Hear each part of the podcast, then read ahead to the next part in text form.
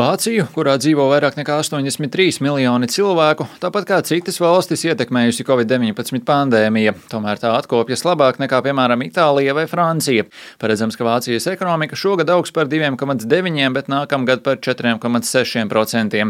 Pandēmija vēl vairāk izgaismojusi jautājumu par zemo digitalizācijas līmeni valstī un nepieciešamību veikt lielas investīcijas šīs problēmas risināšanā. Okay, relax, yeah, just, just uh, Vācijas galvaspilsētā galvaspilsētā Berlīnē okay. uzrunāju Vācijas ekonomikas pētījuma institūta pētniecības direktoru Aleksandru Kritiku. Ar viņu tiekamies institūta bibliotēkā. Arī viņš digitalizāciju min kā vienu no galvenajiem izaicinājumiem. Kind of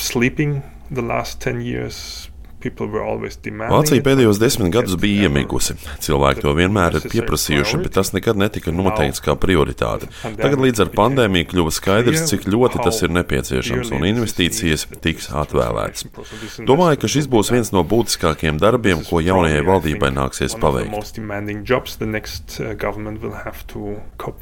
Kā vēl vienu būtisku izaicinājumu Vācijas ekonomikā eksperti un arī kritikas min ražošanas sektora transformāciju un zaļo pāreju. Arvien aktīvāk tiek pieprasītas pārmaiņas, īpaši automašīnu sektorā, nomainot ar degvielu darbināmus spēkratus uz elektromobīļiem.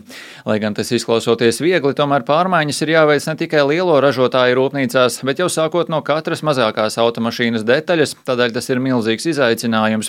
Autorūpniecība ir Vācijas ekonomikas vitāls elements, tādēļ kompānijas sākumā pretojušās, bet tagad sāk veikt arvien lielākas investīcijas elektroauto ražošanā. Izaicinājumu rada arī pārmaiņas pašā ražošanas procesā. Saistībā ar šo mēs arī redzam, ka rūpniecības sektorā joprojām notiek pārmaiņas, kas saistīts ar pārēju no roku darba uz automatizētu darbu. Tas noteikti ir biedējoši un draudīgi daudziem, kas strādā līdz šim labi apmaksātā rūpniecības sektorā well-paid manufacturing sector. Tas, kas pietrūkstot no politiskajām partijām, ir vērsts cilvēkiem, ka tie nepaliks vieni brīdī, kad būs jāmeklē jauns darbs. Trešais izaicinājums, kā min pētnieks, nav tieši problēma ekonomikā, bet tas var būt kā būtisks priekšnoteikums, lai tāda rastos. Proti, izglītības sistēma pakāpeniski kļūst sliktāka un tajā nepieciešams veikt investīcijas un uzlabot tās kvalitāti. Kritikas min arī demogrāfijas radītos izaicinājumus, proti sabiedrības novecošanos, kas rada jautājumus par pensiju sistēmu un veselības aprūpes sistēmu. Būs nepieciešams rast veidu, kā piesaistīt cilvēkus arī ārpus Eiropas. Ir aprēķini, ka, lai uzturētu mūsu sociālās drošības līmeni, katru gadu ir nepieciešams aptuveni 400 tūkstoši migrantu liels darba spēks.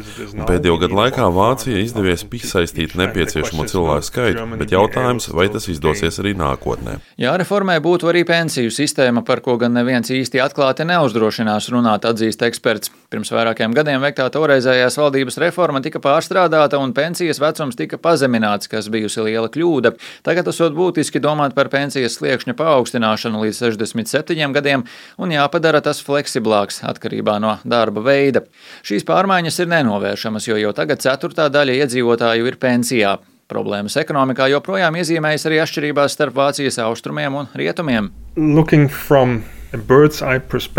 Skatoties no putnu lidojuma perspektīvas, austrumi patiešām joprojām atpaliek par 25%, ja runājam par turīgumu. Bet, ja paskatās dziļāk, tad kļūst skaidrs, ka tā vairs nav tikai tīri rietumu pret austrumiem problēma, bet augsti apdzīvotas vietas pret zem apdzīvotas vietas problēma. Un austrumi nav tik apdzīvoti kā rietumi.